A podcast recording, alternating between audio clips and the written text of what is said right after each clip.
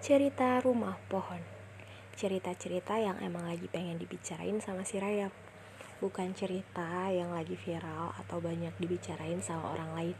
Jadi, selamat mendengarkan imajinasi si Rayap.